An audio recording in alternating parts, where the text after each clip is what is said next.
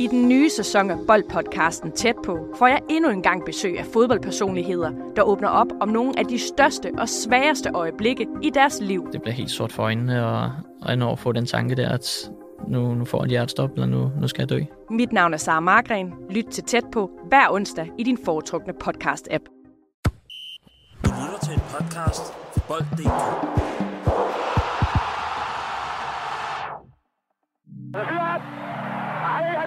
Professionel fodbold handler også om bare at håbe på det bedste. Hvis du sætter Martin Jørgensen helt op foran, så Brian og Michael ind, uh, ind midt for helt op foran, og Ebbe Sand helt op foran. Og Kasper Dahlgaard. Helt op foran med ham også. Dobro jutro, dobro jutro. Danmark de er et mulehår fra at komme til øh, EM i Tyskland næste år efter 3-1-sejren over Kazakhstan. Men hvad er der egentlig galt med landsholdet? For det spruder ikke på banen, og det har det altså ikke gjort i et års tid.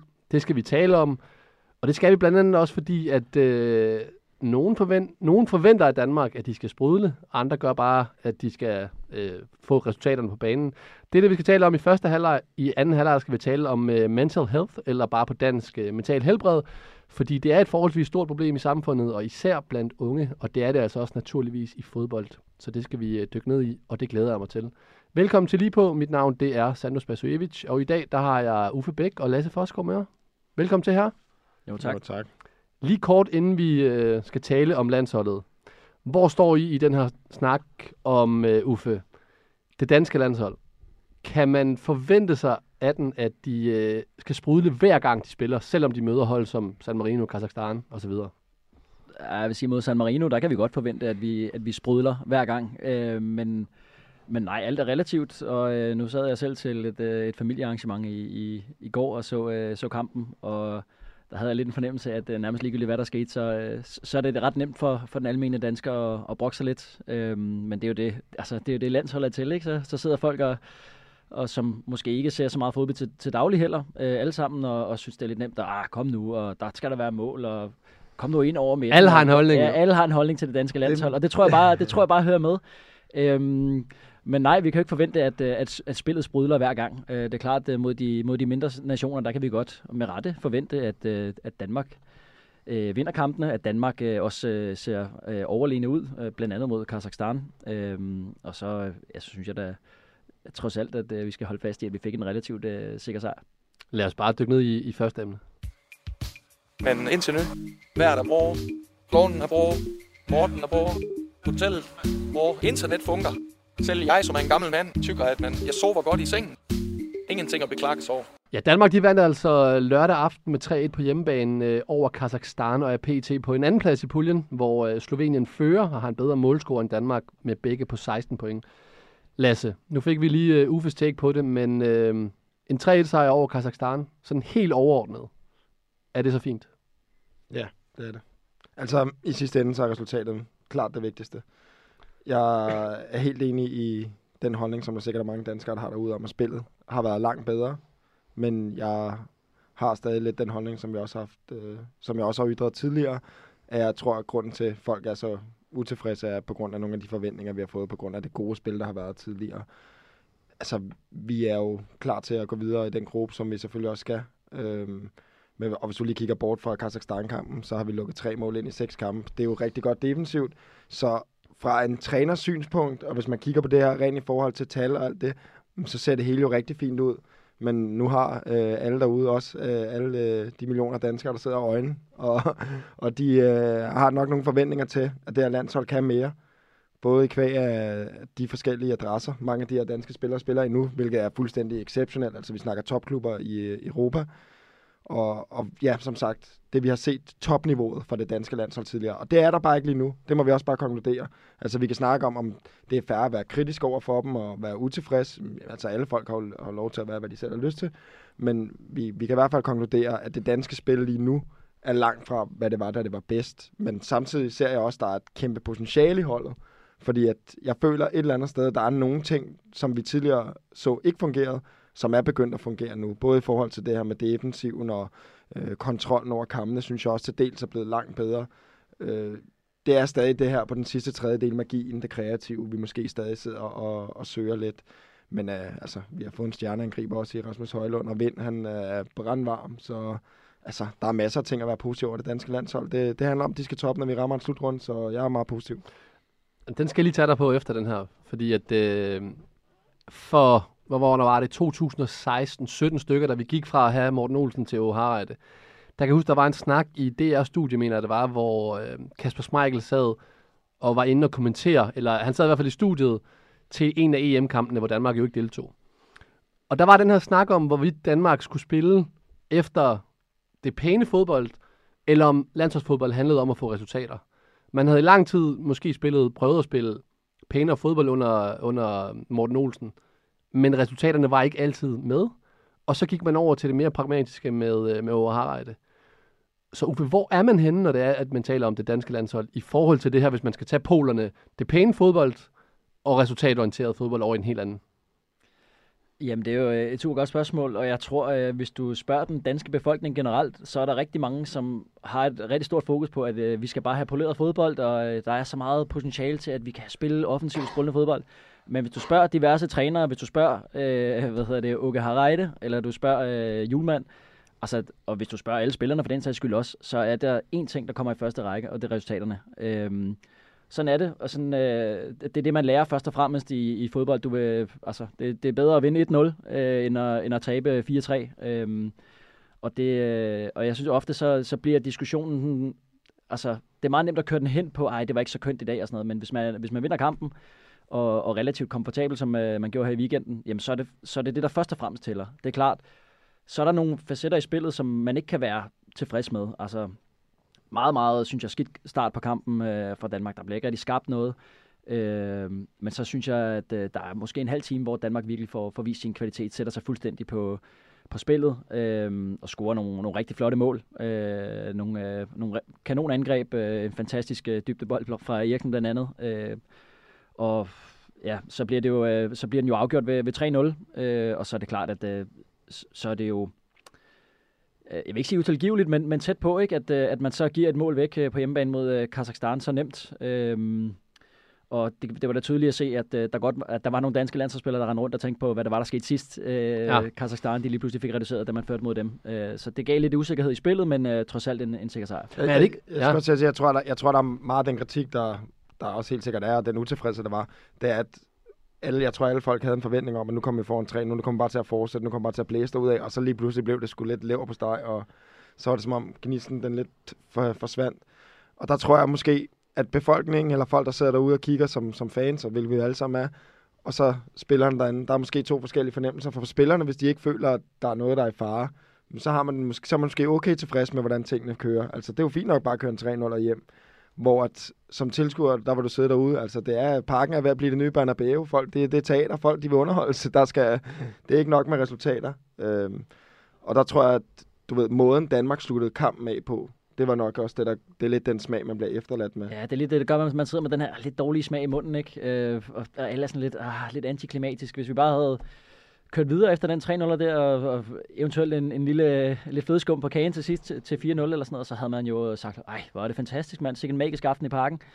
Men øh, ja, nu er det selvfølgelig Michael, som står er allermest frustreret, for han ikke fik uh, sit uh, clean sheet. Man så også, uh, han var, han ved at gå ud af sit gode skin. Først da de scorede, og da de så efterfølgende også havde en, lidt en halv chance. Og det, Ej, de var tæt på at score på det hovedstød der. Ja, det var de. Og, og der synes jeg så gengæld også, altså Robert Skov nu, altså det er klart, han har fået en masse ros for, for at komme tilbage øh, på landsholdet efter, altså, efter den her periode, hvor han har været lidt væk og var ikke mm. med til, til, til VM.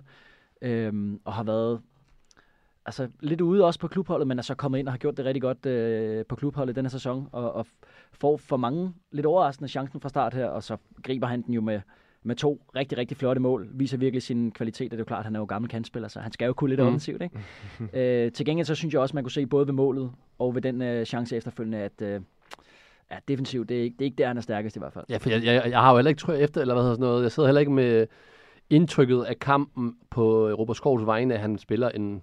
Jeg synes faktisk bare, at han spiller en helt middelkamp, fordi netop det defensive halter så meget i forhold til det offensive. Men jeg har også det her, når vi taler om, om Danmark, det er jo trods alt en pulje nu her. Vi møder Kazakhstan øh, om lørdag, eller i lørdags. Øhm, de andre hold i puljen, det er Nordjylland, San Marino, Finland, Slovenien. Det er trods alt en overkommelig gruppe, vi er i. Hvis vi kigger et års tid tilbage, egentlig frem til VM-slutrunden i Katar. Vi har jo ikke spillet god fodbold. Sådan over 90 minutter. Det, der bekymrer mig allermest, det er, at der venter en EM-slutrunde til sommer. Så altså, du sagde også det her med, at vi bare skal levere, når det er, at vi møder frem. Men hvis man i så lang tid ikke har leveret varen i selve spillet på banen, så kan det da netop blive et problem, når det er, at der står tre kampe i et gruppespil. Og der skal man levere, og man møder bedre modstandere. Er det da ikke lige der, at det bliver et problem, man ikke har spillet bedre? Jo, men det kommer jo igen an på, hvad du måler det på, fordi du siger, at de ikke har leveret varen, men de har jo fået resultaterne. Så kan det Nej, godt være, at ja. spillet ikke har været. Jeg forstår, hvad du mener. Altså, der er ikke nogen tvivl om, at spillet kunne være bedre, men jeg tror langt hellere, en træner vil gå ind til en slutrunde og have haft resultaterne, men ikke, spillet har ikke været prangende, Klart. end at spillet har været prangende, og resultaterne ikke har været der. Jeg er slet ikke kommet til en slutrunde. Altså, ja, altså, Ja, ja. og vi må også bare sige, at det danske landshold er også et sted, hvor at vi stadig, og det er der jo også langt til nu til, det er, at vi skal finde ud af, hvad, hvordan ser det nye hold ud her frem mod en, en eventuel slutrunde. Der er ikke nogen tvivl om, at Julemand han elsker at rotere meget, så derfor kommer vi helt sikkert til at se en masse spillere i spil, øh, både over de næste par kampe, og også i, øh, ja, når vi kommer til slutrunden. Der er jo selvfølgelig et par enkelte favoritter, som vi ved, vi forventer, at der er der hver gang, men det er jo mega positivt, at vi får en Robert Skov ind, og han gør et, øh, er et super aftryk. Øh, jeg er helt enig med Uffe i forhold til, at der er ikke nogen tvivl om, at hans kvaliteter er langt bedre offensivt, end det er defensivt. Men det er jo stadig et fedt kort at have, at man har nogle kampe, hvor man måske regner med at være mere på bolden, så kan man bringe ham i spil. Og så er der andre, hvor det måske giver mening, at man har en Mæle på venstre bak og Christensen på den højre. Så det er jo bare fedt for træneren, at der er flere, der kommer i spil, og der er flere, der byder sig til. Og der er jo helt sikkert en spiller eller to, som ikke engang sådan har i betragtning lige nu, som måske ender med at være i betragtning til, til Ja, jamen, sådan er det altid. Det er- altså Uffe kan stadig nå tilbage også, ikke? Altså, man kan Jo, aldrig det handler om form jo også. Det gør det, og der kan nå at ændre sig så meget. Altså, der kan være skader af det ene og det andet. Øh, så længe øh, Højlund han holder sig skadesfri, så skal vi nok, øh, så skal vi nok gøre det godt. Ej, ja, jeg synes, han er en lækker spiller. Jeg kan lide ham. Ja, men det kan jeg også godt. Han har den der øh, fandme voldsked, mm. som... Øh, jeg har snakket om det tidligere, men som man også ser hos Håland, ikke? Den der med, jeg skal komme først på den der bold. Jeg skal ja. vinde min duel. Den der, som, som også for mig udgør de bedste midterforsvar. Det er dem, der bare uh, går ind og sætter sig igennem. Mm. Den har Højlund, og det kan blive guld værd for Danmark. Men når hvis vi kigger på startelveren mod, øh, mod Kazakhstan, Uffe, er der noget, der overrasker dig i den? Nu talte vi lidt om Robert Skov. Ja, Robert Skov var jo for mig en overraskelse. Øhm, og Vi spiller med en trebakkæde. ja, det kan man, det kan Synes man du, jo det er en overraskelse? Mm, nej, det synes jeg egentlig ikke, det er, fordi det har vi set uh, Julemand gøre før. Øh, og, og bare fordi du spiller med en, en, en, en tre, trebak, altså tre meter forsvar, det betyder ikke nødvendigvis, at du spiller mere defensivt. Det giver jo plads til, at sådan en som Robert Skov kan komme blæsende, lave Mm. to mål. Øh, Mæle ved vi, han hjerner op og ned af den sidelinje i, i 90 minutter plus tillægstid. Og, og så må, vi, altså, så må vi kigge på, hvem han har sat på banen. Altså, jeg var, jeg var overrasket over at se Dolberg fra start. Ja, det må var jeg jeg sige. Øh, og, og fordi vi har jo i forvejen både Højlund, vi har Vind, som jo også spiller nier til daglig, og så har vi Dolberg. Altså det, det er tre mand, som nærmest øh, altså har det bedst på, på samme position. Ja, hvordan synes du, de gjorde det, de tre?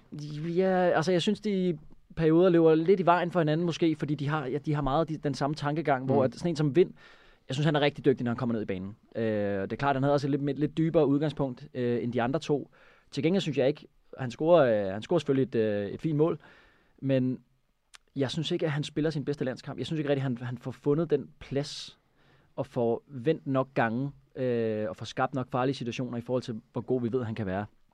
Øh, sådan en som Højlund, han er jo, han er jo rigtig god, hvis du... Altså, jeg tror, han kan blive rigtig giftig mod, øh, mod modstandere, der gerne vil spille fodbold, mm. hvor han har et bagrum at løbe i. Det er klart, i den her pulje, hvor vi generelt har rigtig mange modstandere, der stiller sig ned, så er der ikke rigtig den der plads til at løbe dybt, øh, som, hvor han er fremragende. Altså det er det, han er allerbedst. Han, når han kommer op i sin fart, når han får plads til at skubbe sine modstandere væk.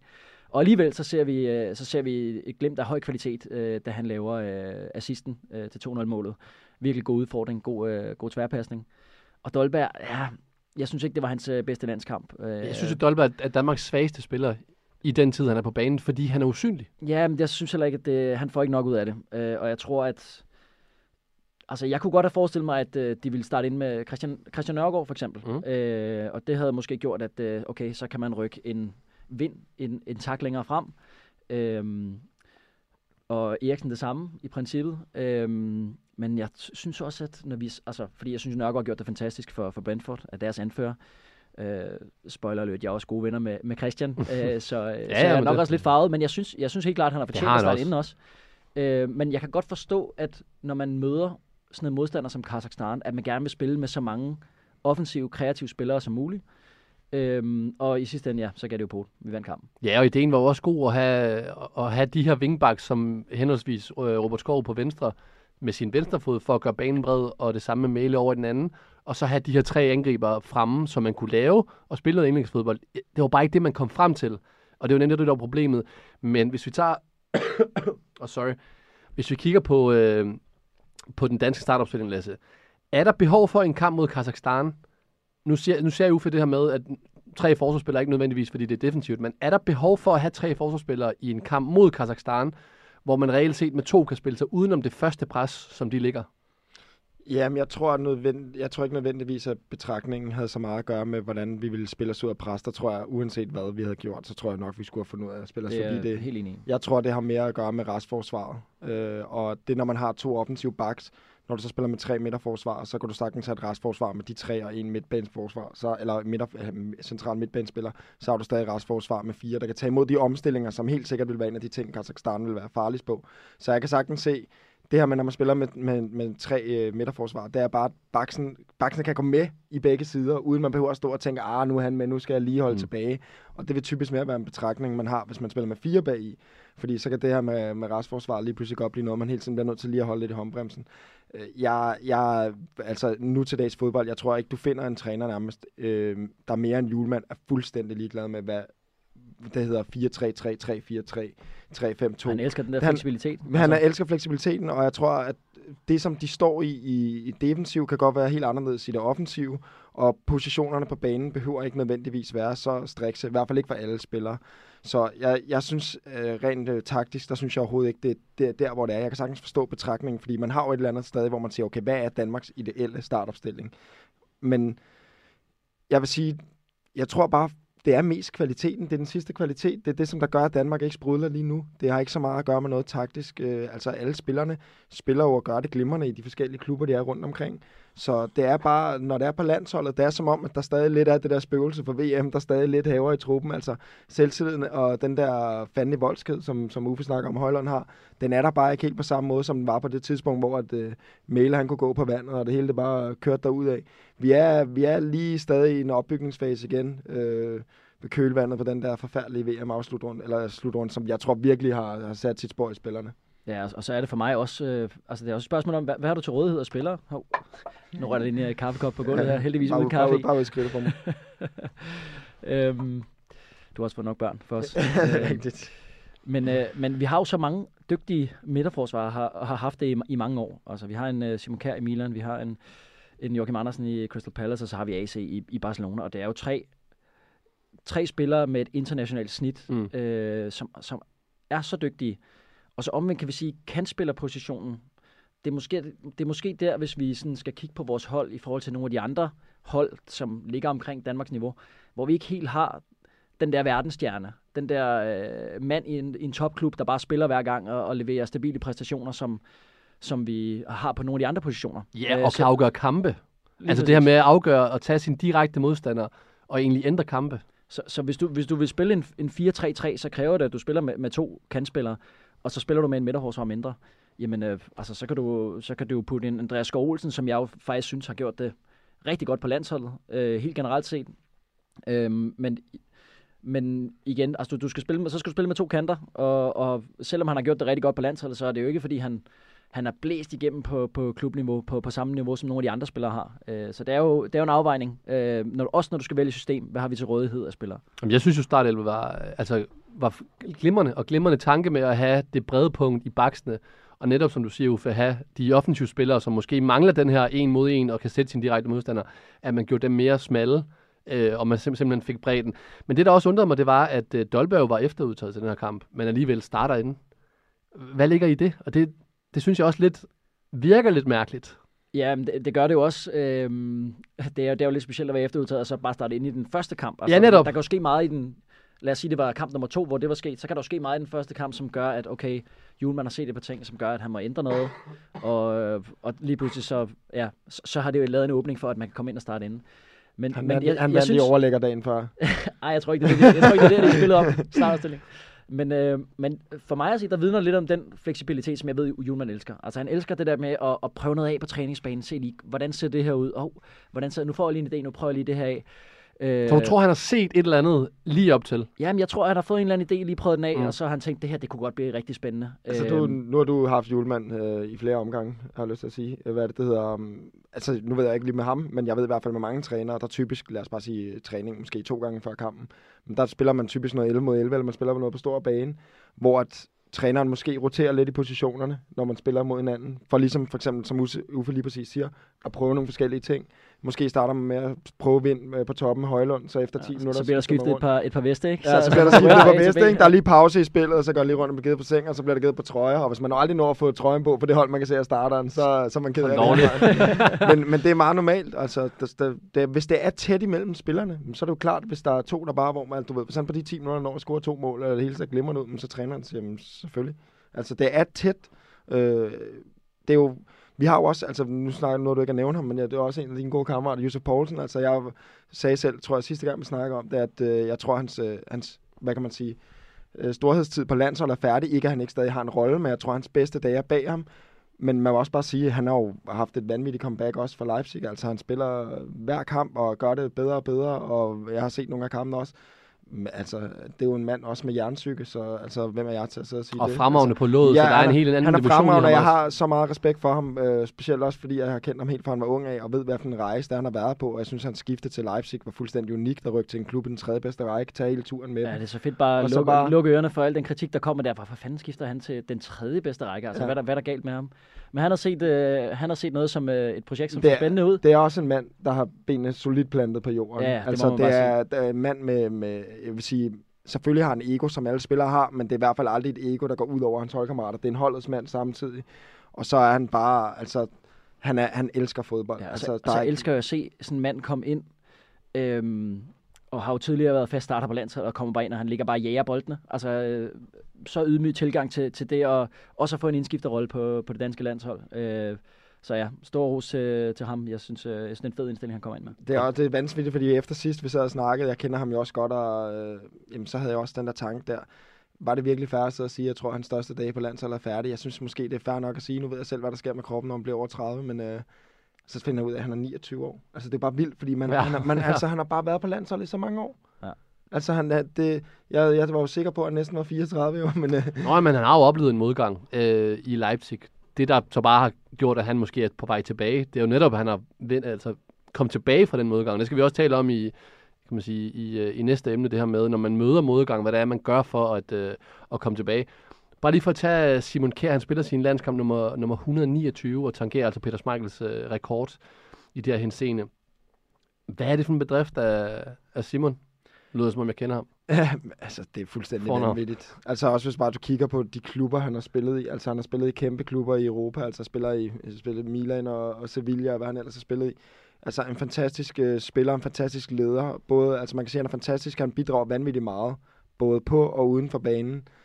Og når du har spillet så mange landskampe, som, øh, som han har, hvis du tænker på, hvor få landskampe der er på et helt år, mm, så tyder det jo på en mand, som der har været tilgængelig og har været øh, haft højt nok niveau til at kunne gøre det over så lang en overrække, at han nu går op og tangerer Peter Schmeichel, som uden tvivl vil være en af de tre-fem største i Danmarks historie. Ja, hvor rangerer du så øh, Simon Kjær i hele den snak? Jamen, det jeg skulle til at sige, det er, at det der vil gøre, at han aldrig kan overhale Schmeichel, eller nærmest, jeg har lyst til at sige John Faxe også, men det er måske lige vildt nok at sige, for Jamen. selvfølgelig, det burde han gøre. Jamen, det er bare det der med, Mm. de spillere, der bliver udødeligt gjort, det er dem, som der opnår at vinde et eller andet, og det er vanvittigt uretfærdigt, fordi EM 92 burde vi ikke engang have vundet, for vi burde ikke engang have været med i de kampe der Nej. på grund, af, på grund af krigen. og Jeg sidder der her i dag på grund af det. Jamen altså, der, men, men de bliver bare udødeligt gjort. Altså alle EM92-spillerne, de vil nærmest altid gå ind fra nummer 1 til nummer 20. Altså, det, hvor mange gange er der blevet kogt suppe på det, på det mesterskab, det ved jeg ikke. Men, Ja, øh, det, det er helt vildt, men det, det vil sige, det gør det ikke i min bog. Altså fordi,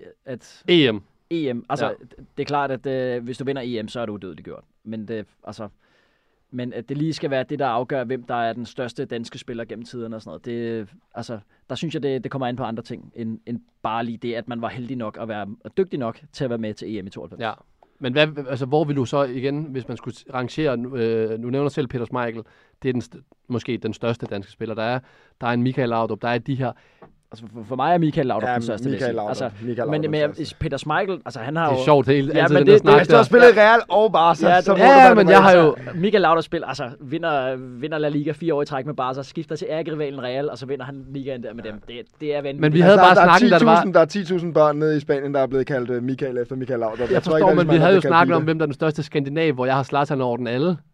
Og der var snakken også bare om det. Nogen havde jo også Michael, andre havde Schmeichel. Ja, det kommer nok an på, hvad men, årgang du er men jeg vil fra. sige, altså Schmeichel, altså synes jeg jo at kandidere til at være den bedste målmand nogensinde. Øh, Ja. Og er med til Ja, at vinde the double, fair. uh, the triple med, med Manchester United. Og er jo, altså har vundet EM med Danmark. Altså det, det siger jo sig selv. Og jeg, har, jeg kan huske, da jeg var lille, jeg sad jo og så kassettebånd på, altså jeg, jeg havde sådan, mine forældre, de havde, ej, ikke catch, kassettebånd. catch. Ikke Jeg skal jo kassettebånd. forklare, at de unge VHS. lytter, hvad kassettebånd er. En VHS, en VHS, det kan jeg, være- de helt unge, de skal også vide, hvad det er. Ja, præcis. Hvad VHS er, ikke? Men jeg havde sådan en uh, VHS, uh, som min far havde optaget med, med EM-finalen, og jeg sad og så den igen og igen og igen. Så til sidst, så kunne jeg hele kommentatorsporene udenad. Ja. Og den, altså, hvis man ikke har set den kamp, få lige gjort det på et eller andet tidspunkt, hvor du har halvanden time i dit liv. Han står fuldstændig vanvittigt, Peter ja. Schmeichel. Altså, han er ude at pille et indlæg ned med en arm, Ja, den er der blevet kørt. På. altså. Det er meme, det er meme. og så har han en redning på øh, en afslutning fra Klinsmann, som er altså, fuldstændig vanvittig. Selv efter, altså i dags standarder. Sådan, det, det er fuldstændig vanvittigt, at han når den der. Øhm, og ingen tvivl om, at han har en kæmpe kvalitet. Men for mig, ah, offensiv spiller, jeg kan ikke vælge en målmand som den største gennem tiden. Det kan jeg ikke. Så du har Michael, Jeg og har så har du Michael. Og kommer Kjær så. Mm, Det er mere det. Nej, det gør han ikke for mig. Det gør Christian. Christian Eriksen. Ja, jeg er enig. For mig... Øh, Jamen, gør han det? Jamen, Ja. det gør han for mig. Ja. Jeg synes, øh, Christian Eriksen... Han spiller jo sin 125. landskamp, Ja, hvilket men- jo er helt sindssygt. Og han er, De fulgtes jo ad, indtil hans øh, hjerte stoppede med at slå. Yes. Øhm, og så har han selvfølgelig været, været lidt ude, hvor Simon Kjær kommer lidt foran. Øhm, men øh, ja, hvor må ikke... Altså, jeg vil, jeg vil, Han er også jeg kun, er det, på enkelte kampe bag ham, ikke? Ja, Øh, ja, ja, så, 125. ja, ja, Ja, så det- jeg, det- jeg, jeg skyder på, at øh, Eriksen han ender med et større antal end, end Simon. Men altså, Simon han er, stadig, han er også på min top 5. Jeg synes, han er så stor en legende. Uh, nu skal du passe på. Jamen, det er Nu skal du passe på. For Ja, jeg kan godt lide det. Det er fordi Sandro, han vil gerne have, sådan, han vil gerne have konkret svar, og så lige med det samme, så kan han sige, ah, må jeg med ham her? Ja, ja, ja, men, men Det han, er bare- han er klar. nu- han nu er klar. nemlig- nej, men, nem- altså, men nu har jeg jo også, altså, han var jo med øh, dengang jeg spillede med landsholdet, som er en herrens mange år siden, ikke? Simon. Simon, ja, Ja. ja. og det var Christian Eriksen også for den sags skyld. Øhm, og, og han har bare, altså, han har bare hele vejen igennem haft sine fødder solidt plantet øh, i den jyske muld, skulle jeg til at sige. og som Forsgaard siger, han har bare været en, en lederskikkelse hele vejen igennem. Mm. Altså han har, været, han har været med i tygt og tyndt øh, for alle mulige forskellige øh, hold, og han har bare præsteret kontinuerligt, kontinuerligt gennem så lang tid. Og så har han været en, leders, en lederskikkelse. Der har aldrig været noget med ham. Øhm, og, så, øh, og så er det, altså, om man ved det eller ej, så er det, hører det jo også til historien, hvordan han reagerer, da, da, altså, da det med Christian Eriksen sker. Ja, altså, det, kæmpe det er jo noget, der, der sætter os i, i os alle sammen. Vi er jo, vi er jo kun mennesker. Altså, så ja, han er i min bog top 5 over de største danske landsholdsspillere nogensinde. Jeg har måske lige uden for top 5, men der, der er stadig en Preben Melkjær, og der er nogle andre også fra den gang. Men det er fordi Uffe ikke kan huske den. Han er ikke så gammel. Men jeg er faktisk, og der er også, men, også men længere jeg er tilbage faktisk, nu. Jeg er faktisk mere overrasket over, at du siger, at Christian Eriksen er på din tredje plads, sagde du. Altså, Fordi. Ja. fordi at i mine øjne, hvis du tager hans hjertestop, og så den periode, der følger efter der, der spiller Danmark jo fuldstændig fremragende uden ham. Så han er ikke engang en del af det danske landshold, der sprudler totalt. Jeg, jeg, altså, jeg er helt enig i, at han er en fremragende fodboldspiller. Det er slet ikke den snak. Men når vi har ham helt derop, så synes jeg, at han over 100, sine 125 landskampe simpelthen har haft for mange kampe, også under Morten Olsen, hvor han ikke var. Jeg synes, under Harreide var han fremragende. Øh, begynder han jo så, tager han det med videre over til, øh, til Julemand.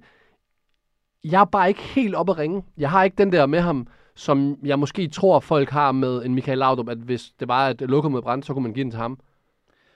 Nej, Jeg altså, vil jeg, for, for mig, altså, lad os lige starte med at, at slå noget. Altså, for mig er det en meget sværere position, han spiller, end Simon Kjær. Altså, det synes jeg helt generelt, det, det er nemmere... Det er en offensiv spiller. Ja, det er en offensiv spiller, der snakker. her. Det, det Nej, men det vil jeg- det vil jeg give dig men, ret i. Men for mig at se, det er meget, det er meget nemmere at fuck noget op for modstanderen, end det er at skulle skabe noget selv, og så sætte en mand. Det er jo, det er jo, det er jo, det er jo nemmere at skulle stå i en... Øh, der tre giver eller helt fire ret. eller fem bakkæde og skulle øh, bombe ind i en angrebsspiller og, og lukke ham ned, end, end det er at skulle ligge med en mand i ryggen og vende af på ham og slå guldafleveringen, som vi så her i, i weekenden. Øhm, så, så det er jo, altså, det er jo en, en helt anderledes opgave. Og der sidder jeg jo og synes, som offensivspiller, der, der beundrer jeg jo det, Christian Eriksen gør på en anden måde, end det, som øh, Simon Kjær gør. Mm. Øh, og jeg synes bare, den karriere, han har haft. Og jeg, jeg tænker jo ikke bare på landsholdet. Jeg synes jo også, ja. Christian Eriksen har været fuldstændig fremragende på landsholdet. Den, specielt under Åke Harreide, der var han jo, det var, det var fuldstændig latterligt, hvor mange mål han scorede, hvor vigtig han var for Danmark.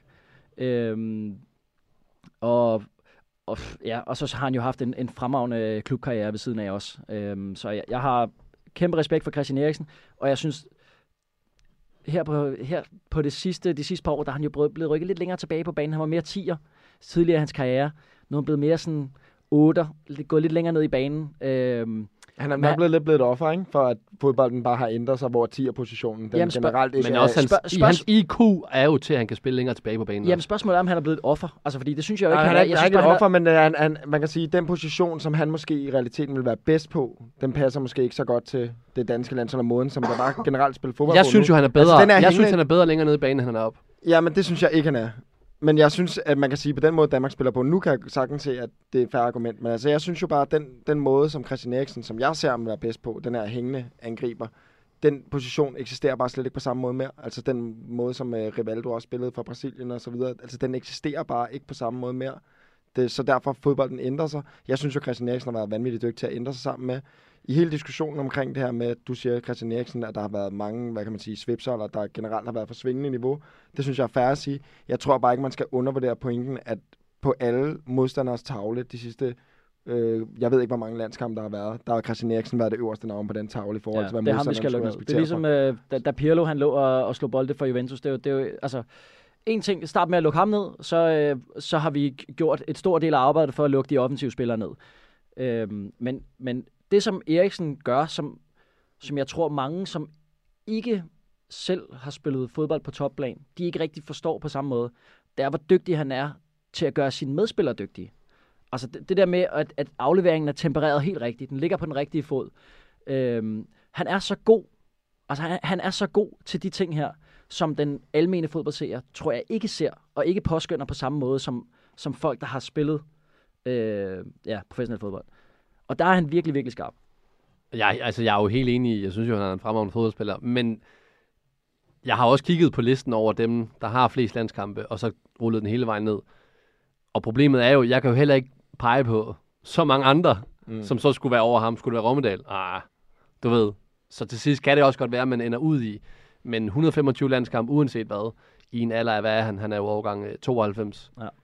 Det er bare fuldstændig vanvittigt. Men, men jeg vil også sige, at øh, jeg kan jo... Øh, altså, jeg har jo hørt om spillere som Sofus Krølben og Harald Nielsen og sådan noget, men, dem, men dem har jeg Ja, aldrig set spille jo, Nej, nej. så de er jo ikke med i min vurdering. Nej, nej. Til gengæld har jeg, jeg har set nogle videoer med Preben Elkjær, Ja, og jeg det synes, er han det. er han- røvsej. men det var Han tænkte Han er røvsej. Han kunne godt lide, at du... Ja, ja. Han kunne godt lide, at du... Han er kunne røvsej. godt lide, at Det du... var Elkjær, Det kan vi jeg på. Så sidder han lige og tager en smøg i omklædningsrummet bagefter. Det synes jeg er Ja, vi bliver, og vi er en spiller, vi helt har nævnt, uh, glemt at nævne det, også. Vi må også lige have Allan Simonsen med her. Ja, ja. skal altså også Den eneste, der, altså, er blevet kåret til Europas bedste spiller. Præcis. Altså, så, Legende også. Det. Så det er, det er altid, vi, man bliver altid præget Vores forældres generation vil nok sidde og sige Ja. øh, en Simonsen.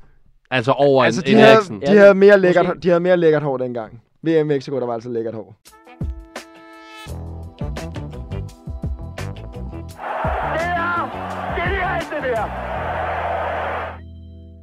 Den 10.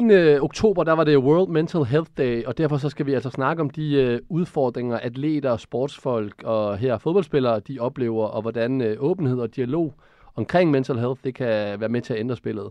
Øhm, det er en afgørende faktor i, øh, om man får succes i sport generelt, men det er også et område, hvor der er mange tabuer og misforståelser. Øhm, og det er alt fra, at det kan være ting som præstationsangst, men også stress og depression, som en del spillere, de oplever. Og på en eller anden måde, så øh, er det ikke alle spillere, der har redskaberne til at takle dem. Og øh, jeg synes personligt, det er et område, der skal være endnu mere fokus på, end der i forvejen er, fordi at det kan både være med til at løfte en spiller. Nu talte vi lige tidligere om en Yusuf Poulsen. Det kan vi måske komme lidt mere ind på. Men det kan så sandelig også få den, den anden vej. Så øh, boys, hvis vi bare lige skal åbne den her snak her. Har I øh, i jeres karriere, Uffe, har du oplevet, nu har du været rigtig meget skadet i din karriere. yes. Hvordan er det her, nu, nu tager jeg det engelske ord, mental health, for dig? Jamen, øh, puha, jamen det, jeg synes, det er så stort et emne. Altså, Det hvor er skal- et kæmpe hvor, hvor skal man tage fat? Jeg synes, det er... I fodbold, det er jo noget, som, som man bare har i alt for lang tid fået lov at stå alene med. Øhm, og det er jo... Øh, det er jo alt fra øh, en spiller, der, der starter inden, lige pludselig ikke starter inden, en spiller, som lige pludselig ikke er med i truppen, eller hvis du er skadet, og du føler dig ensom i det. Altså, jeg tror, der er rigtig meget... Fodbold er præget af, at, at, at folk er meget hurtige til at klappe dig på ryggen, når det går godt. Hvis du laver en kasse, banker den op i hjørnet, holder clean sheet, ikke for os, øh, spiller en god kamp, laver en god assist, øh, spiller en god sæson. Altså, folk står der med det samme og er klar til at praise dig. Mm. Og lige så snart du øh, spiller en dårlig kamp, lige så snart du ryger ud af holdet, lige så snart du bliver skadet, altså du er glemt sådan her. Fordi der står en ny en klar til at tage din plads. Og det har der bare, der, der er ikke nogen, der er klar til at tage hånd om dig. Og det, det tror jeg fra en, fra en young age, det er også derfor, at, at der, der går så mange tabt, tror jeg, af dem, som har været de bedste op igennem ungdomsårene. Lige så snart de kommer op, og de kan se, okay, der er nogen, der er i gang med at overhale mig. Der er mange af dem, der knækker hals, halsen på det. Fordi det, det er meget hårdere, altså det, man, det er hårdt mentalt det der med, hov, måske er jeg ikke lige pludselig den bedste mere. Så det der med at, øh, med at arbejde knaldhamrende hårdt, og være vant til ikke at være den bedste. Jeg tror, altså der er så mange, der, der overhaler dem, som har været bedre end dem, fordi de, de er vant til, at de skal arbejde for tingene. Øhm, Og selv dem, der arbejder hårdt, og måske ikke har haft det, det store talent i, i unge rækker, de kan jo også lige præcis stå på den store scene en dag, og så modtage altså en, noget af en hammer i hovedet, for, fordi man oplever det her både presset og øh, jamen, angsten og stressen, der er omkring at være en fodboldspiller. Lasse, hvordan påvirker alt det Uffe, han nævner her, med pres fra både konkurrenter, medspillere, fans, medier, hvad er det for det pres, der sætter sig op i, øh, i spilleres hoveder? Jamen, det fylder rigtig meget, fordi at du har sindssygt meget tid til at sidde og tænke over alle de ting, som der måske ikke lige lykkes for dig, eller hvis man bare generelt har det svært, specielt når man er i udlandet. Altså, det må være vanvittigt svært at sidde alene med sine egne tanker, og bare generelt øh, kunne grave sig selv dybere og dybere ned i et hul, fordi at hvis øh, spillet på banen fungerer, så plejer det mest at være liv og glade dage, men øh, hvis det ikke gør, så kræver det, at man har et rigtig godt bagland, og man generelt øh, er rigtig god til at tage vare om sig selv, for at blive ved med at holde hovedet oppe og, og være positiv, og det kan være rigtig svært. Så derfor tror jeg, at der er nogle spillere, der er langt bedre til at kapere det selv, end andre er. Og der, jeg synes, der er allerede sket et skifte, hvor der er sindssygt mange spillere nu til dags, der er mentaltrænere. Det, vidste, der var der ikke nogen, der vidste, hvad der var, dengang jeg startede med at spille. Altså, det var bare hold din kæft og kæmpe videre. Ja, og lige præcis den del, altså det, jeg, det kan virkelig være ensomt. Altså det kan virkelig være ensomt, det der med, bum, så er du lige pludselig, øh, så er du lige pludselig uden for truppen. Du aner ikke, hvad der sker. Det er ikke, øh, som nogle folk måske tror, at træneren lige kommer hen og lægger en arm om dig og siger, bare træn videre, min dreng, du, du er snart tilbage igen og sådan noget. Det er der det, nogen, der det er gør. der nogen, der gør. Jeg tror, det er godt det mere de i. Danmark, end det er i udlandet. Lige præcis. Mm. Altså det er bare, i, i, i udlandet, der kommer der bare, der kommer en seddel op. Men om, hvordan øh, var det for dig fredagen. i, i Tyskland?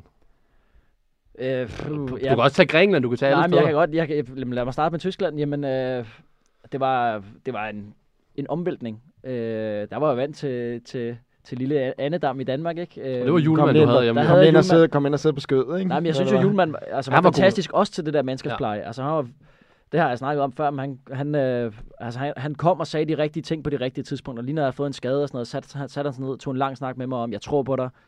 Du sagde, han mødte op til din operation. Han mødte op øh, ude på, ja, øh, først da jeg skulle scannes, øh, på, ja, da jeg skulle scannes, der mødte han op derude, uden at, altså, det var en overraskelse for mig. Og sad og snakkede med mig om det der i lang tid, og, og gav mig ligesom en, en, en ild i øjnene til, til min genoptræning. Jeg var, gik fra at være helt nede og tænkte, kommer jeg nogensinde tilbage? Øhm, så han, han var rigtig dygtig til det. Men i Tyskland, der, altså, der kom jeg jo til, til Hannover, øh, Bundesligaen, og jeg, jeg tror, jeg starter inde i... Jeg starter måske, jeg har lige en småskade, tror jeg, og så starter jeg inden første gang, jeg ligesom er med. Mm. Øh, en udebanekamp mod Mainz. Øh, bliver flået i pausen. Ej, vi laver, vi laver sådan en dobbeltudskiftning i pausen, hvor jeg er en af Han dem, bliver flået i pausen. Jeg bliver flået i pausen. Ud med mig, ikke? Og så ugen efter, der, der er jeg slet ikke i truppen. Okay. Og, øh, og, og måden, jeg finder ud af det, er dagen inden øh, en kamp, og der kommer bare sådan en seddel op i omklædningsrummet, og der står mit navn ikke lige på. Der er altså krydset er sat det forkerte sted, ikke? Nå, træning i morgen kl. 9.15. Okay. Og hvad går der igennem dit hoved lige der? Fordi at Jamen, det er jo et slag at få. Altså for, for mig var det, altså det der, det var et stort chok, fordi der, der var jeg vant til, der kom jeg lige fra Nordsjælland, hvor jeg måske havde været, det lyder, det lyder smart at sige, jeg havde været stjernen, ikke? Altså en af dem, der skulle ind og Ja, præstere hver gang. Øhm, og, og til lige pludselig at bare, altså krydset var sat det forkerte sted. Jeg er ikke engang i truppen. Mm. Altså jeg startede ind i sidste uge, nu er jeg ikke engang i truppen. Og det er det, der kan være så vildt. Jeg får ikke en forklaring. Jeg kom, der kommer ikke en træner og siger, vi vil gerne lige have, at du skal arbejde på det og det og det. Så, så det er hårdt. Øhm, og så synes jeg, det er rigtig hårdt. Det, altså det er ensomt Øh, det der med, når du så er skadet, det der med, at du er den skadede spiller, der er ikke nogen, der kommer og, og hjælper dig med det ene og det andet. Selvfølgelig, klubben stiller en træner til rådighed og sådan noget. Øh, men, men mange af de her ting, det, det står du bare med selv. Man Der skal, ikke håbe, man, rigtig- kan, man skal håbe, man kan lide ham fysen, man skal træne med i hvert fald. Ja, så er det, det det altså sådan. man. Men, men der bliver ikke rigtig taget hånd om sådan det, det hele menneske. Øh, på samme måde som, at det, det er der måske blevet større fokus på nu. Jeg har ikke rigtig oplevet det. Øh, og- og meget af det er bare, være stærk. Og hvis, altså, hvis du knækker nakken på det, så, så knækker du nakken. Så det er også sådan, altså jeg tror, der er mange fodboldspillere, de er sådan lidt følelsesmæssigt afstumpet, ikke, når de så kommer hjem til kæresten. Det, det er sådan lidt svært at snakke følelser, fordi du er vant til, at du skal bare holde din kæft og arbejde, arbejde hårdere. Altså det, det, Fordi har det, været der vores. Jeg- jeg det har været vores vej ud altså, af, af mange jamen, ting. Nu ved jeg det ikke, det er jo nok, jeg tror mig og Uffe, vi har været to helt forskellige sider af den der, fordi jeg var jo aldrig den bedste i min ungdomsår, så derfor så tror jeg, jeg fik så mange nederlag på vejen, så da jeg kom til at blive senior, så var jeg klar til at tage de nederlag, fordi jeg har fået dem helt fra en ung alder af. Hvor at en spiller som Uffe, nu ved jeg ikke, nu må jeg rette mig, hvis jeg siger forkert, men mange andre talenter også, som er sådan nogle, der har været nogle af de bedste gennem alle ungdomsrækkerne, de møder først mange af de her nederlag, når de kommer op i seniorårene. Altså der er ikke nogen tvivl om, det er ikke fordi, du startede en hver gang, når du kom op på Lyngby's hold, men du vidste godt selv, du var toptalent i truppen, og det var en af dem, hvor man tænker, ham der bliver solgt, og det hele det kører. Og så lige pludselig når man bare til punkt, hvor man så måske når, hvor man når et niveau, hvor at man måske ikke er en af dem, der skal starte den hver gang. Eller i hvert fald måske en skade kan forhindre det hele. Og så lige pludselig så møder man for første gang den der modgang, og skal forholde sig til den, og man sidder alene i udlandet et eller andet sted, eller i hvert fald uden nogen måske at snakke med. Det er jo vanvittigt svært jo. Altså fordi du har aldrig nogensinde prøvet at stå i en situation, du skal både forholde dig til, at måske du er skadet, du er i udlandet, du står bare en ben, og lige pludselig så har du en træner, der ikke snakker til dig, eller ikke øh, synes du er den, der skal starte inden. Det, altså, det kan være mange ting. Det kan lyde mega forkælet at sidde og snakke, som om det er et eller andet vanvittigt problem.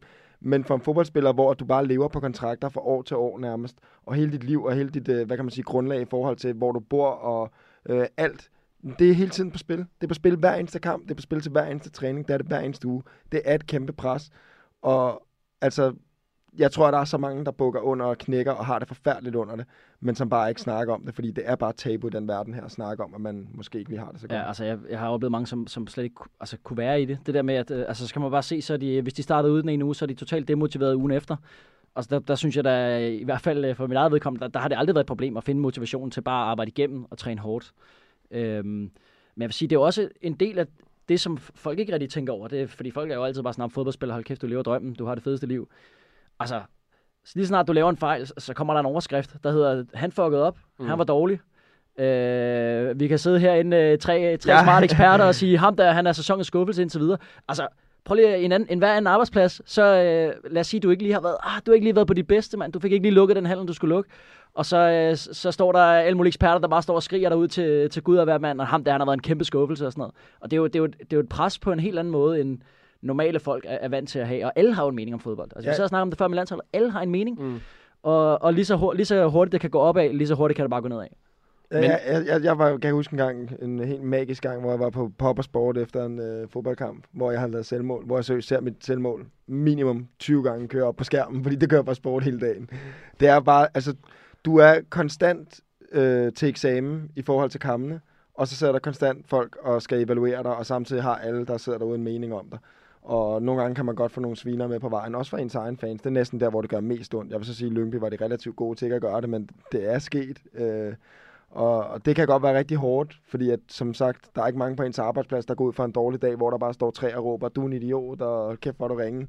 Det er ikke, det er ikke Der de står heller ikke nogen kollegaer, der er vil tage det job, jo. Nej, heller ikke det. Altså, du står heller ikke hele tiden og skal kæmpe øh, for... Altså, du, ved, du står heller ikke og ved, om du næste år skal flytte til Island og spille. Altså, der, der er en masse ting, der gør, at fodboldverdenen, eller bare generelt øh, sport øh, og elitesport, er vanvittigt svært at sammenligne med, med andre sektorer. Men, men mest af alt tror jeg, at andre steder, der er, det, der er det okay at sige, at man måske ikke har det godt. Hvor i fodboldverdenen, der er der bare stadig det der med, at Jamen, det, det, Hvis du siger det, det, folk ser det som, ser det som svaghed. Jamen, Og det er det det. men, men er det ikke... Er det, jeg ser det også mere som en ting, som værende mænd. Altså, vi mænd har bare meget sværere, og vi er dårligere til at snakke om følelser. Hvis jeg har det skidt, og I er mine to venner, så skal der virkelig meget til, for jeg siger til jer, at jeg har det dårligt. Så den oplever ikke det samme, som det er ved... Altså, nu ved jeg godt, nu, nu tager jeg også kønnene, men de to køn. Men hvis vi så tager Der, sportens der er verden... mange flere køn, Sandro. ja, det er, så, det er en helt anden snak. Men det her med, skal vi lige åbne op for den? der, der, er, der er jo en helt anden måde at, tale om det på, som værende mænd. Det, det, det er jo meget macho, det her med, at vi er fodboldspillere, og man skal være på en bestemt måde. Og derfor, hvis man oplever den dårlige side af det, så åbner man ikke op om det. Men det, I taler også om meget om det her på banen. Du var jo så i udlandet, Uffe. Da jeg, op, da jeg flyttede til, øh, til Holland som 19-årig, der oplevede jeg den her... Flyttede du alene derned? Ja, Det gør jeg. Jeg oplevede, da jeg flyttede til Holland som 19-årig, at jeg tænkte, åh oh, fedt, nu skal, jeg, nu skal jeg spille i udlandet, og det er jo det, alle drømmer om, og øh, cool og sådan noget. Pludselig, da døren lukkede, og jeg var alene, så tænkte jeg sådan, jeg, altså jeg, jeg indså, hvor sindssygt ensomt, og på den gang tænkte jeg, sørgeligt livet kan være. Altså fordi jeg, jeg tog til træning, gjorde mit arbejde, kom tilbage igen, og så var der ikke noget. Altså, der var ikke det samme, som jeg var vant til at have hjemme. Kan du lidt øh, følge mig i, jeg har også læst Jesper Grønke have den samme, lige præcis den samme beskrivelse af at få den her chok, når man kommer ned. Oplevede du det på samme måde? Nej. Jeg, Nej, nej, men det er jo helt fair. men det gør jeg ikke. Det er jo Altså, helt fair, det er det- også, det ikke. er også forskellig som menneske. Ja, ja, øh, det- men det gør jeg ikke. Altså, jeg, jeg var sgu ikke så ked af, at jeg kom hjem til, til en tom lejlighed efter træning og sådan noget, fordi jeg tror, jeg var så opsat på, at det, her, det skal bare lykkes, mand. Jeg skal ind og give den gas til træning i morgen og sådan noget. Det, og jeg, jeg tror hele tiden, jeg har hele tiden haft en fornemmelse af, okay, ligegyldigt hvor hårdt det er, det skal nok, det skal nok gå, ikke? Mm. Øhm, og hvis jeg blev skadet, okay, jeg skal bare lige over den her skade, så ligger der guld og grøn skov og venter på mig på den anden side, og, og hvis jeg har været igennem en hård periode, ej, jeg skal bare lige igennem det her og sådan noget. Øhm, så, så nej, jeg har ikke rigtig haft, øh, haft den der følelse på samme måde. Jeg er ked af, hvis jeg får det til at se dumt ud lige nu. Men, Nej, nej, overhovedet ikke, overhovedet ikke. Altså, det er jo kun, ikke- altså, alle mennesker er jo forskellige, Ja, så det er jo, men- altså, jeg- jeg er ikke på samme måde i dag. Det er jo bare, Ja. jeg havde ikke redskaberne dengang til at selv, og det synes jeg er sindssygt fedt, du havde, fordi du oplevede modgang, og så vidste du, okay, der var noget at tage fat i, du havde et eller andet i bagagen.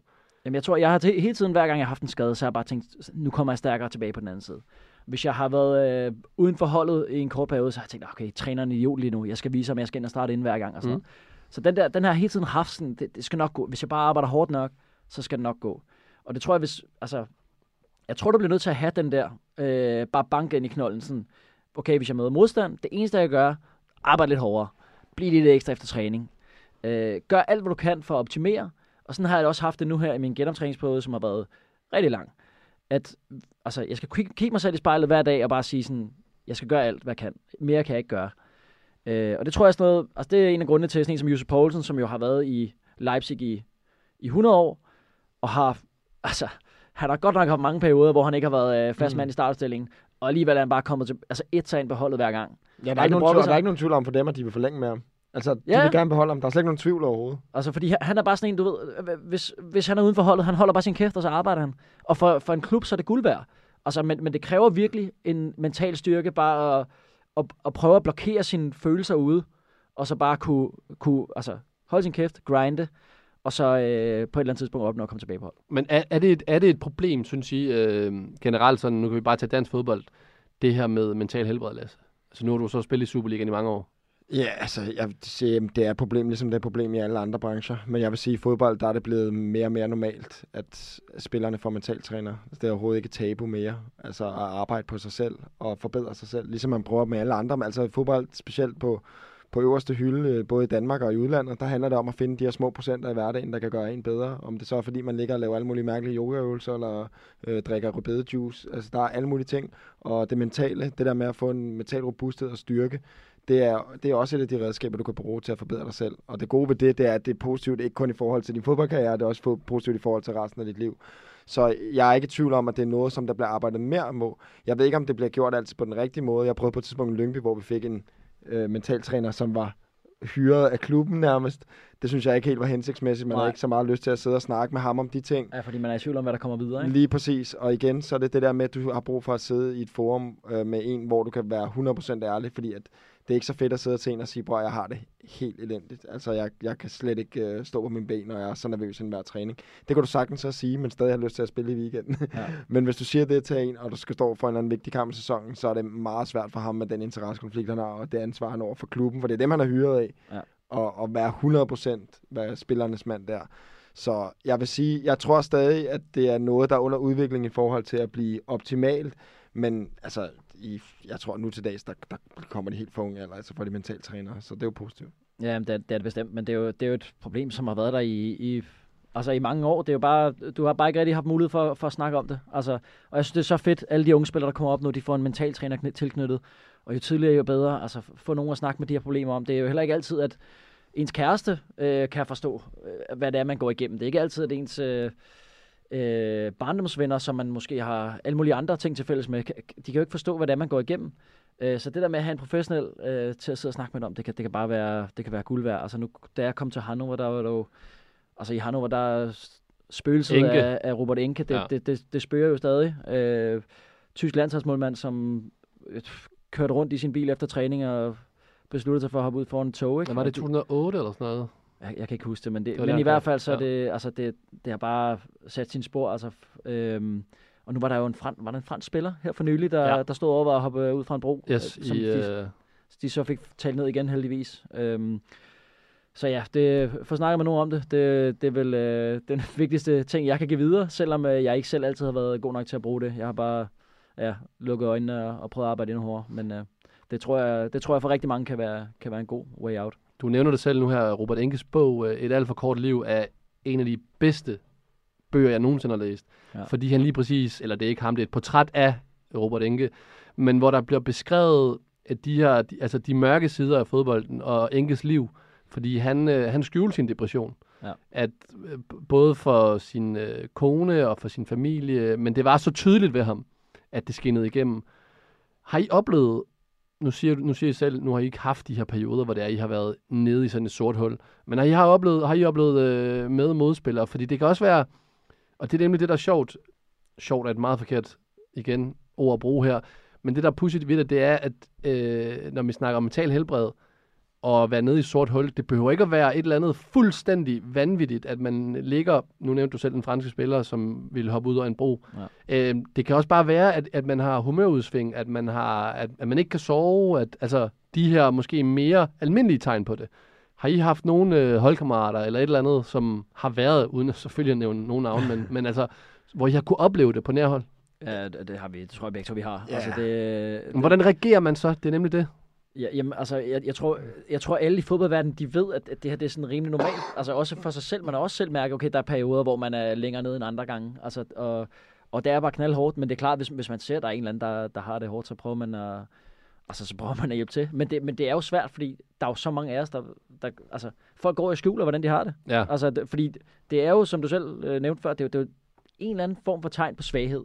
Og derfor så er det bare sådan, når du er til træning, vis overskud, prøv at være, prøv at være den bedste, øh, vind dine dueller til træning og sådan noget der.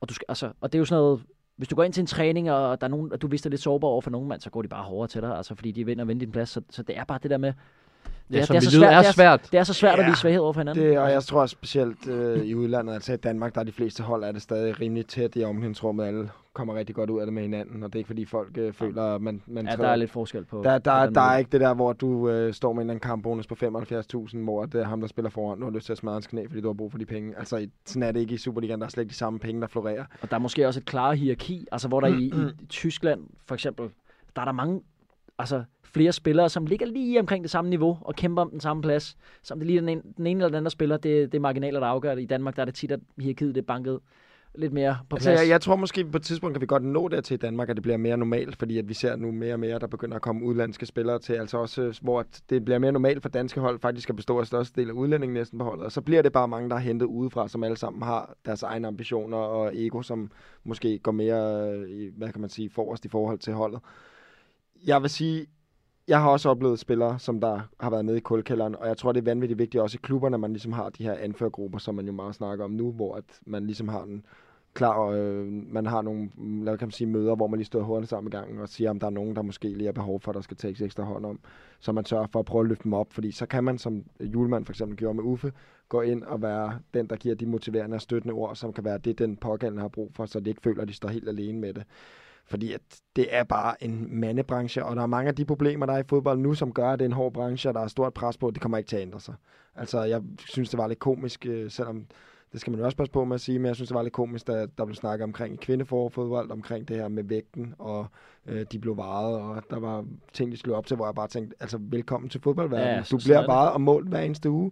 Altså, det var ikke unormalt, at man havde fedtprocent og vægt, øh, som skulle måles hver eneste mandag eller et eller andet. Og du stod jo bare som slagterkvæg på, på række, række 10 mand med bare overkrop Jamen, og hoppede op. Og det var jo sjovt lige at tage den ene på sidebenene og lige sige et eller andet, fordi vi er jo også bare mænd, så vi kan jo godt lide lige at skulle prikke til hinanden. Og jeg kan da ikke sige, om der er en eller anden, der har problemer øh, som jeg måske også har trådt over tæerne eller været hård mod, hvor han måske har haft det mega hårdt med det, men hvor jeg bare har tænkt, nej, det kan han sgu ikke, du ved, det er jo bare for sjov. Altså, Jamen, nu, jo, nu læste jeg øh, Nikolaj Bak Johansen. Har du spillet med ham? ja, Ja.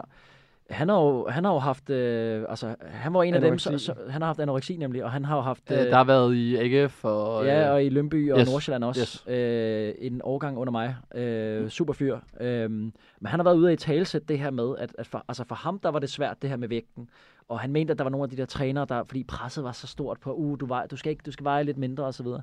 Så, så der er der helt sikkert nogen, der bliver, der bliver ramt af de her problemer, og det, men det er bare så sjældent, at der er nogen, der tager altså, ud det. Altså, nu, nu smider jeg en bombe ud, det kan jeg godt, fordi det er min gode kammerater. Men jeg kan fortælle, Mikkel Rygaard, fantastisk spiller også, og gør det øh, helt legendarisk over i øh, Sverige lige nu. Han spiller i Nordsjælland jo, og på det tidspunkt der er de på træningslejr, og Rygaard bliver vurderet til at være for tyk. Altså det er måske ikke sådan, de siger det til ham, men det gør han. Så der er simpelthen et hold, der inden de andre skal ud og træne, møder, jeg tror, det er en halv time før på træningsbanen, for at løbe mere. Og det er jo bare sådan i fodbold, at det er en præstationsbranche, og det er jo et eller andet sted fair nok, at dem, der er arbejdsgiveren, som har brug for, at du præsterer bedst muligt, siger, mm, jer, der måske ligger med en fedtprocent på 11 eller 12, og vil have det bedre på 7, men I skal ud og løbe nogle ture, inden I træner, fordi I skal tabe jer lidt. Og Altså, der er jo ikke så nogen, der, står, det- nej, der er jo det- ikke nogen, der kalder det fedeholdet, men det gør spillerne i omklædningsrummet, eller du ved, de laver det sjov med det, og så kan man grine af det og sådan noget, men det er jo bare, du ved, det er jo stadig et ømt emne, fordi det er jo, det er jo sjovt nok, når man sidder nede i omklædningsrummet, men hvis du allerede har det hårdt i forvejen, så er det måske ikke så pisse fedt, når du sidder derhjemme. Og opmærksomheden nu gør nok, at man tænker sig lidt mere om, før man siger sådan nogle ting. Men for 10 år siden, altså der handlede det jo nærmest om, hvis der var en, der lå ned, så handlede det lige om til at sparke lidt til ham, bare for at se, om man kunne klare det. Ja, men det, men det er jo en del af, altså, jeg vil så også sige, hvis, hvis, du er, hvis du har klaret dig så langt, at du er blevet en del af et professionelt omklædningsrum, så skal du kunne tage noget. Altså, så, så er du næsten per definition tykhudet, fordi du har klaret det så langt. Der skal du med at have, have taget meget lort gennem årene, fordi der sker meget i sådan et omklædningsrum. Og du skal, altså, du skal ind og på en eller anden måde øh, altså overleve drillerierne, fordi det, det, altså, hvis du først knækker halsen på det, så har du gjort det, så har du gjort det, inden du er blevet professionel. Mm. Lad mig sige det sådan. Øhm, så, så det skal du på en eller anden måde kunne, kunne komme videre fra. Ja, og miljøet er det her med, nogen har det også med at, jeg ved jeg ikke, sammenligne måske et, øh, et hverdagsjob, og det kan man bare ikke. Altså, der, det er, som du selv siger, Lasse, det her med, med vægten, det er en del af at være, en, altså at være i topform, kan du præstere bedre, så skal du ikke have ekstra øh, kilo på sidebenene. Jeg tror måske også mere i den her landsholdssnak med, de her, med, med kvindelandsholdet, det var det her med, at deres vægt kørte op på en tavle, så alle kunne se det, og det var det, de var imod. Men ellers helt enig, altså der skal jo ikke... Jamen, Men det, det er meget normalt. Altså, ja, ja, vi- du, vi- vi du, fik du, har bare, ja, du har bare en Det er ved, hvor der fik står fedtprocent øh, fra en alle spillere. WhatsApp, vi havde en WhatsApp-gruppe, der hed Performance, eller et eller andet, hvor du bare fik hver eneste gang. Og, Ja. det, og sådan var det med alt andet. Men det er bare en branche, hvor du bliver målt og vurderet på din øh, fysiske formåen og præstationer. Så du bliver bare vant til, at du skal vejes hver eneste dag. Altså, du ved, øh, ikke i bogstavelig forstand, men at du bare konstant skal måles. Også imod alle andre. Og jamen, det er jo det, du bliver fortalt for, så et eller andet sted synes jeg, det er fair nok, at man Ja, skal leve op til det. jeg, det jeg også. Derfra til så at udskamme folk, og øh, altså, det skal ikke gå øh, Lotte Friis i den med, med svømmelandshold og så videre, hvor at, du ved, det bliver sådan en totale mobbe-ting. Altså, det skal man selvfølgelig holde sig fra. Men altså, som Uffe siger, det er bare, altså, jeg tror, man bliver tykhovedet Jamen, det, fodbold. men det er det. Men altså, så er spørgsmålet, hvis vi lige pludselig begynder at sige, at det er synd, at vi offentliggør øh, over for truppen, hvad, hvad fedtprocenten er. Sådan det, altså, det, det, det, skal jo være en af de ting, som det bliver du simpelthen nødt til at leve med. Altså, fordi du, du bliver simpelthen nødt til at... Og, altså, det skal jo ikke være en hemmelighed på holdet, hvem- der, altså, hvem, så skal de ud og sn- altså, snige sig ud til en ekstra løbetur, mm. dem der skal tabe sig lidt. Det ville jo også være underligt. Altså, så alle sådan, hvor, hvorfor er det, vi ikke bare kan være åbne herinde på holdet?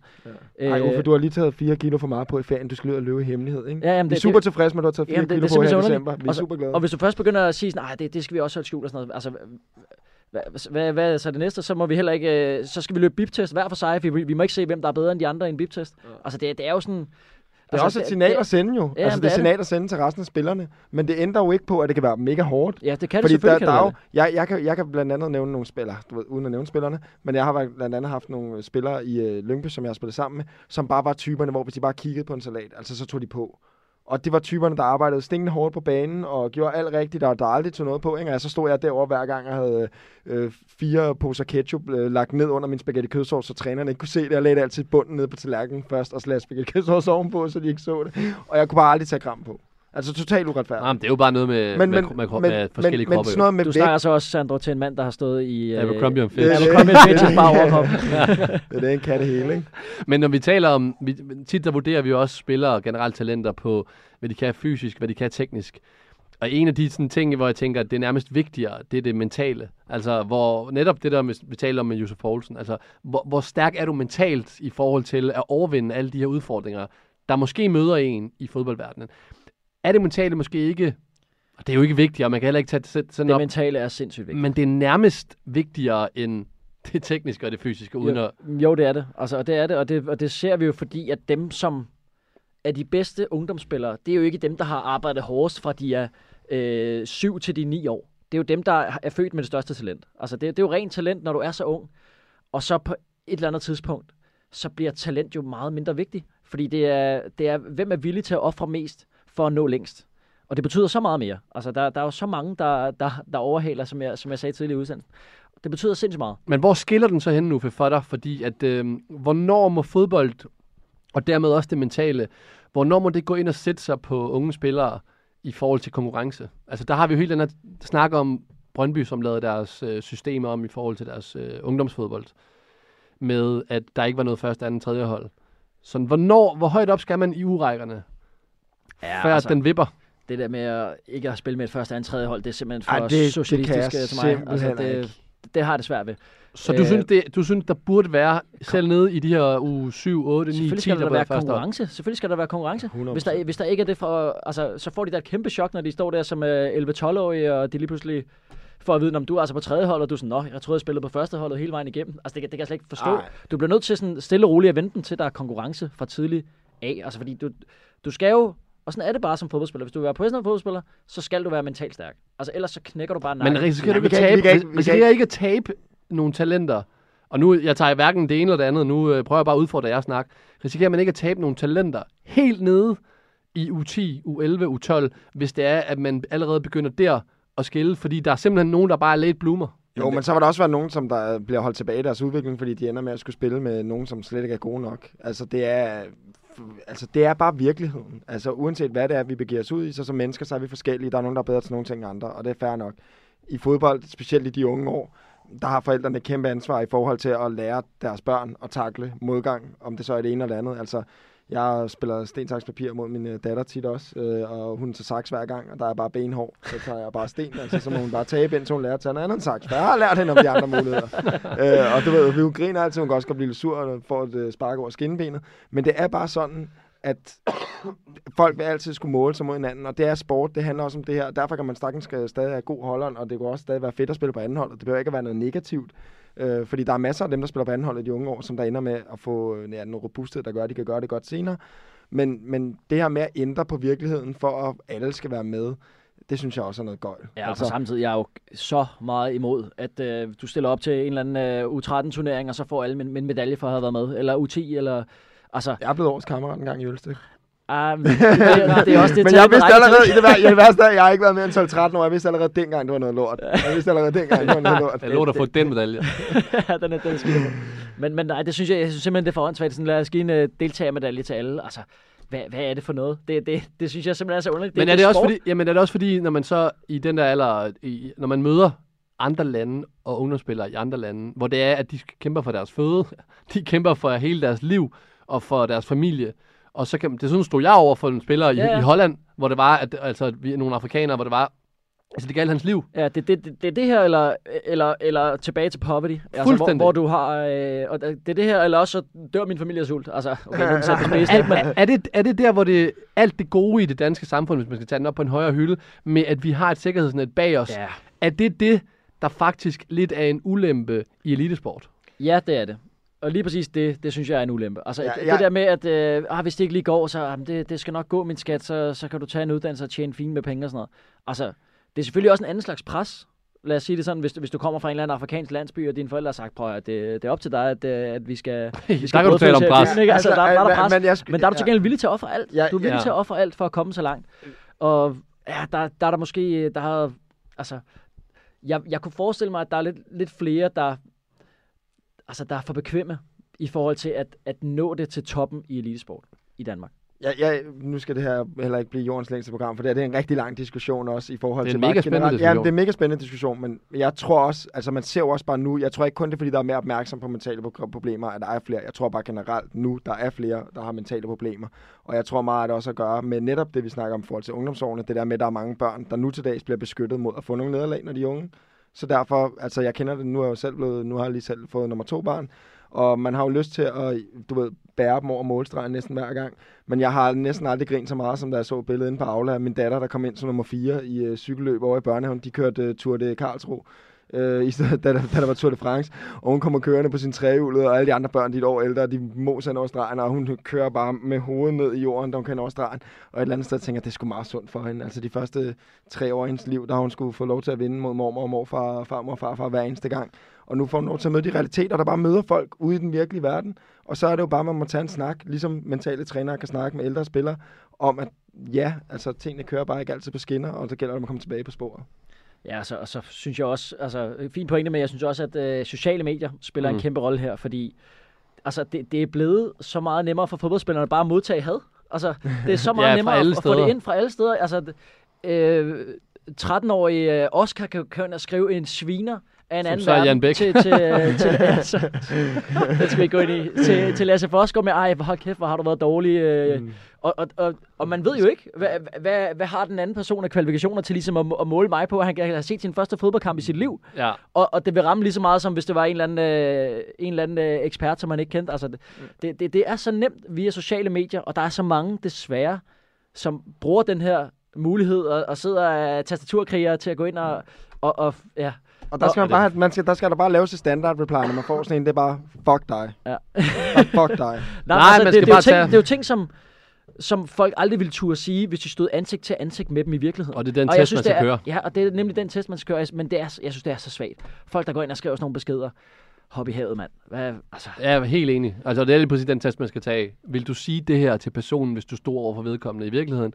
Hvis svaret er nej, svaret er altid så nej. skal du nok heller ikke sige det på Svaret er øh, altid sociale nej. medier. Altså, Det når man aldrig at tænke. Men, øh, da jeg var, jeg var i Panathinaikos, altså da, da jeg først blev skadet, og, og i Panathinaikos, hvis du er skadet der, så, så ser folk det som om, at du, ah, du er der bare for pengene, og du er her bare for at være en turist, og øh, suge klubbens penge og sådan noget der. Så der begyndte det jo bare at vælte ind med hadbeskeder i, i min indbakke. Og jeg fik mange af dem. Men jeg har aldrig nogensinde, når jeg kom gående ned ad gaden, jeg har aldrig Nej, nogensinde det- oplevet noget ubehageligt der. Altså, så kommer folk hen og vil, vil have et billede, eller en lille snak om fodbold, eller et eller andet. Aldrig nogen øh, negative kommentarer, når jeg går på gaden. Men er du sindssygt, der kommer mange på de sociale medier? Og det er sjovt, de gemmer sig jo altid øh, altså bag, øh, bag tastaturet. Så jeg er helt enig, altså det her med, at det er alt det negative, man ser gennem sociale medier. Øh, bare lige for at understøtte den der, du siger med, øh, med, hvad hedder det, med børn. Det er ret sjovt, der blev lavet en undersøgelse på, på blinde, hvor man testede blinde i, hvordan de ville reagere. Folk, der aldrig nogensinde har set i hele deres liv, hvordan de reagerede med deres eget kropssprog, når det var, at de ville udsat for en lyd af sejr. Og det var i victory formation ved at tage armene op. Så kroppen ved godt, hvordan den skal reagere på sejr. Det er simpelthen noget, der ligger så dybt inde i os. Men på nederlag, der ved man ikke. Så det er det, man skal sådan gennem sin øh, jamen både barndom og lære at takle nederlag. Og det er en vanvittigt spændende øh, område. Bare lige for at lukke den af øh, den her snak, som man kunne tale om meget, meget, meget længere. Det er mediernes rolle. Nu var vi lidt inde på det lige før. Men vi sidder jo også her og kan, så vi har lige siddet og dømt øh, Danmarks kamp mod Kazakhstan og Danmark sådan overall. Men kan vi som, øh, som medier og generelt som øh, pundits have et ansvar i alt det her med, at jeg simpelthen på en eller anden måde tænker over, hvordan spillere måske har det op i hovedet?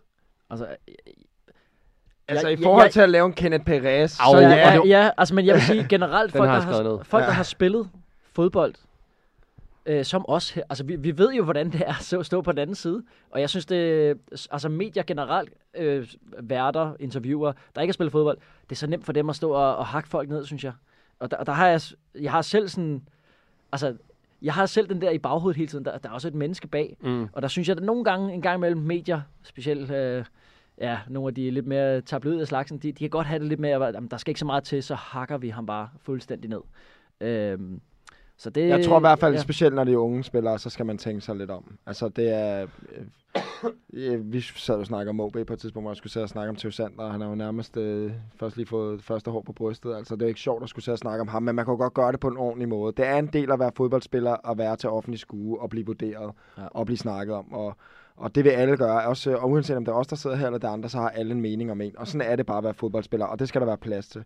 Jeg har ingen problemer om at sidde og snakke om folk og kalde en spade for en spade. Altså, men derfra til at lave en Kenneth Perez, hvor du fuldstændig ud af det blå sidder og snakker og kalder en spiller en fiasko i udlandet, efter han lige har råd fra Viborg til Ajax som ung dansk spiller, og han har spillet været tre kampe eller sådan noget, så kommer der bare en, altså en sang fra den anden verden af, hvor man tænker, hvor kom det fra? Altså det virkede så personligt, som om at han virkelig havde en aktie i, at Anton Gej, han skulle bare ikke lykkes i øh, Holland. Og man, altså der, der, der tænker jeg, der, man kan stadig godt have en eller anden form for klasse og sige, det der, det gør man ikke. Mm. Fordi at du kan heller ikke vurdere en spiller. Du kan godt sige, at han har måske fået den bedste start, men at sidde og kalde ham et flop, og han slet ikke er god nok, ah, det synes jeg er lige lovligt tidligt at gøre, efter at der har spillet så kort, og han har været der så kort tid. Men helt enig. Det, det Ja, handler om, at man vurderer spillere på baggrund af, altså professionelt på baggrund af den præstation. Og man kan sagtens synes, at en spiller har spillet dårligt, så skal man back det op med argumentation, uden Ja, ja, men- at det bliver for personligt. Ja, og det er nemlig der, hvor den skiller for mig. Lige præcis. Jeg vil også sige tit, hvis, hvis, hvis, øh, hvis øh, Forskov eller jeg, eller en, en tredje eller en fjerde, eller Kenneth Perez står og, og siger, at der er en eller anden spiller, der har været dårlig, eller har spillet en dårlig kamp, eller leveret en dårlig præstation, jamen, altså, så er det jo tit, at spilleren godt ved det selv. Ja. Det er jo tit, at alle andre også godt kan se det. Men, men der er jo forskel på at sige, at han var dårlig i dag, eller han har, han har ikke været god i den her sæson i forhold til de, de forventninger, vi havde til ham, og så gå ud og, og lave et, øh, et personligt angreb. Øhm, og ja, altså det, det ja. Ja, det er... jeg skal sige. Det, Nej, nej, det, det- Ej, jeg tror også selv, han fortryder det nu. Der har Ja, været det- så meget larm omkring også, det. Jeg tror også, han fortryder det. Røg måske lige lidt for hårdt ud. Jeg tror nogle gange, så Kenneth Perez, han, hans, øh, ja, hvad kan man sige, måde at udtale sig på, den bliver måske opfattet lidt anderledes, end det lige var meningen, han selv ville sende ud. Selvom han fik chancen for at trække den tilbage, og han tog den ikke rigtigt, så, men øh, altså, alle har plads til at, eller der skal være plads til, at alle kan lave fejl, og jeg håber der i hvert fald for ham, at han selv har selvindsigt nok til at se, måske lige når den kommer lidt i hindsight, at det måske vil være fint nok lige at sende en besked eller et opkald Anton Geis vej, og så måske sige, det var, det var sgu mig, der trådte over. For det synes jeg, der skal være plads til at træde forbi, eller træde over stregen. Men øh, man skal fandme også være stor nok til at indrømme det så bagefter. Jeg er simpelthen stor forbruger af bold.dk og fodboldnyheder hver eneste dag, og sidder og sluger alt det der råt, råt, råt, sluger alt bold.dk, råt, stor forbruger af bold.dk, bold.dk, råt. Nå, inden vi lige uh, lukker af, så skal vi have gennemgået, eller ikke gennemgået, men vi skal have gættet på næste uges resultater i, uh, i Superligaen. Der står 27-26 til, uh, til mig over dig og Olli, og nu har du jo hjælp fra en lidt bedre Juve. Det Ja. gik Nej, det- okay dårligt sidst. Ja, det gik. Det blev 0-0. Det gik elendigt sidst. det blev 0-0 i den runde, hvor du var med. Lad os bare tage den. 19-kampen øh, fredag, det er videre mod øh, Silkeborg. Hvad har I der? Det, jeg tror, at den bane, den begynder at blive dårlig ude videre. Det bliver sværere og sværere derude. Ah, de er vant til at spille på kunst, jo. Det er det.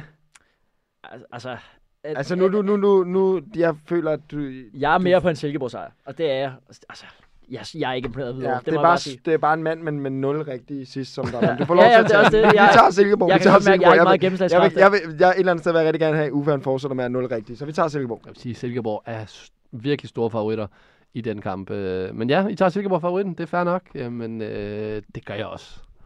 Hvad er det for noget, hvad er det for noget fedt spilleri? Ja, jeg du kan skulle ikke lige- sidde og jeg kritisere mig, og så sige det Altså, samme. det er det samme. Øh, om lørdagen, der spiller FCK mod Vejle. FC. FC. Det har jeg også. Lyngby mod øh, AGF søndag kl. 14. Kryds. I har kryds. Vi er kryds. Jeg er fuldstændig enig. Jeg har et tallet. Lyngby. Så er det 16-kampen Viborg mod øh, FC Nordsjælland. Uh, den er svær, synes jeg. Nej, vi skal have Nordsjælland i gang igen. Ja. Ja. Det kan ikke være rigtigt. De kan vundet så lang tid. Nordsjælland. Ja, Nordsjælland. Jeg har kryds. Så er det 18-kampen, det, og den sidste kamp, det er øh, Randers mod Brøndby. Kryds også, ja. Jeg er med. Jeg bliver enig. Han tager sidder krydset. og krydser, krydser Ja, fingre. Jeg på forstår, samme jeg, måde forstår, som- jeg forstår beskeden. Han Ja. krydser fingrene. Krydser fingre. kryds. På samme måde som øh, Nordsjælland ikke kan, kan blive ved med at ikke at vinde, så, så på et eller andet tidspunkt, så må det Ja, også, men øh, det er så godt. team starte. Jeg har, jeg har, jeg har Brøndby den. Ja, Så det er godt, vi er uenige på, Jeg hæpper jo så også på dem, kan man sige. Men øh, på hvem? på Brøndby, selvfølgelig. At en vinder tidligere klub. Ja, det Ja, er ja, svært for Uffe. Han har været i så mange klubber snart. Men nu kan de overraske positivt, lad mig sige det sådan. Godt nok. Jamen, øh, det var alt for i dag. Boys, tak for i aften. Tak for det længste afsnit, tror jeg, vi har lavet. Jamen, det jo skulle være dybt. Når man går dybt, så skal det Ja. ja. vare lang tid. Nå, tak for det, boys. Alex, ude i uh, producerrummet, tak for det. Og til jer, der har lyttet med, hasta la vista. Professionel fodbold handler også om bare at håbe på det bedste. Hvis du sætter Martin Jørgensen helt op foran, så Brian og Michael ind, uh, ind midt for helt op foran, og Ebbe Sand helt op foran. Og Kasper Dahlgaard. Helt op foran med ham også.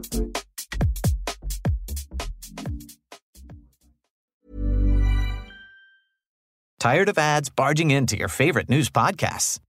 Good news. Ad-free listening on Amazon Music is included with your Prime membership.